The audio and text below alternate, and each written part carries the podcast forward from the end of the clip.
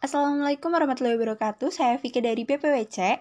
Hari ini kita akan mendengarkan wawancara menggali inspirasi dari lapangan ekspresi religiulitas pelaku industri perjalanan wisata bersama Ustadz Hanif Mas selaku Ketua Takmir Masjid Agung Darussalam Purbalingga. Selamat mendengarkan. Assalamualaikum warahmatullahi wabarakatuh.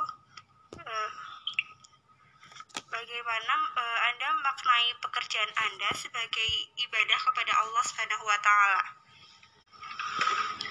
Uh, pekerjaan itu tidak bisa dipisahkan dengan ibadah karena dunia tentu saja adalah sebagai jalan menuju akhirat. Kata Rasulullah Shallallahu Alaihi Wasallam, "Fa inna dunya balagun ilal akhirah." Maka sesungguhnya dunia adalah jembatan menuju akhirat. Maka barang siapa ingin mendapatkan kebahagiaan akhirat, maka mau tidak mau seseorang harus melakukan amal di dunia. Nah, salah satu amal di dunia adalah mencari nafkah.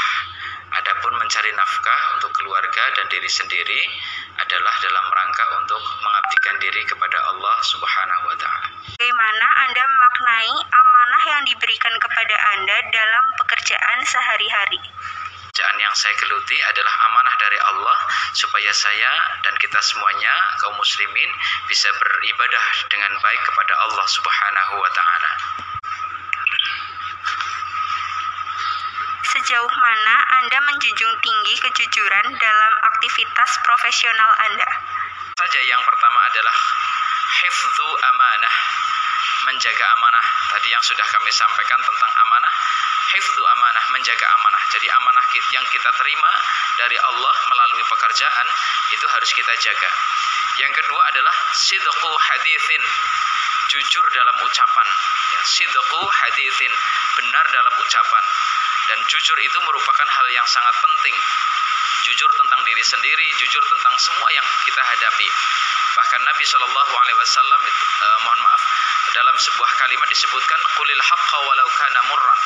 Katakanlah dalam sebuah kalimat bijak kulil haqqa walau kana murran.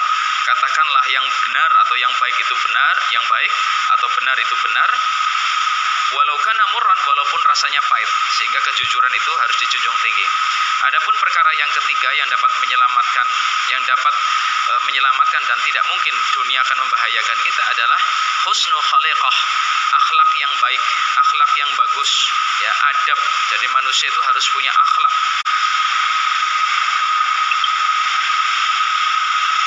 Bagaimana Anda memaknai rezeki dari Allah Subhanahu wa taala yang Anda peroleh dari pekerjaan yang Anda lakukan sehari-hari? Memaknai rezeki itu tidak selalu dalam bentuk uang. Ini kesalahan besar manusia di abad ini adalah mencari rezeki itu selalu dalam bentuk uang.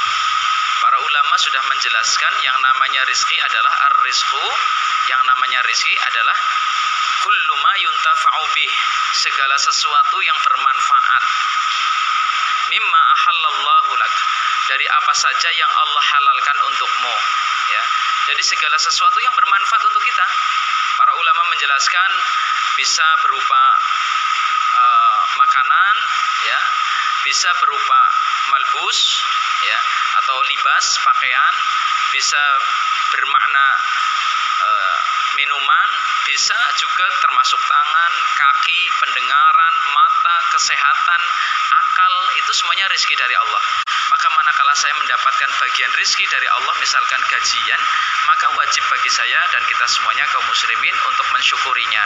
Dan manakala kita merasa cukup dengan apa yang Allah berikan kepada kita, maka sungguh kita telah memiliki sifat qanaah. Kata karena kata Nabi, orang kaya itu bukan orang yang banyak hartanya. Kata Nabi, wardi bima qassamallahu lak takun aghnan nas.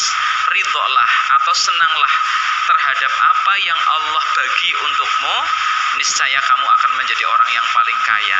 Maka orang yang kaya adalah yang manakala dia diberi rezeki satu, dua, tiga hari, sebu, sepekan, satu bulan, sekian dan sekian, maka dia harus ikhlas menerimanya. Untuk pertanyaan yang terakhir, seberapa besar makna keluarga bagi Anda? Baik, keluarga itu merupakan perkara yang fundamental dalam membangun generasi muslim. Inti dari seseorang berkeluarga adalah melahirkan generasi-generasi muslim. Bukan sekedar mencari pasangan lalu punya anak, lalu mereka bersenang-senang di dunia bukan, tetapi adalah dalam rangka melahirkan generasi-generasi muslim. Artinya anak-anak kita bermanfaat untuk orang tuanya, untuk saya di kemudian hari. Baik bermanfaat untuk di dunia atau juga untuk akhirat. Maka dengan keberadaan anak-anak kita dan keluarga-keluarga kita, kita bisa mendapatkan kebahagiaan di dunia dan di akhirat. Sekian wawancara hari ini. Wassalamualaikum warahmatullahi wabarakatuh.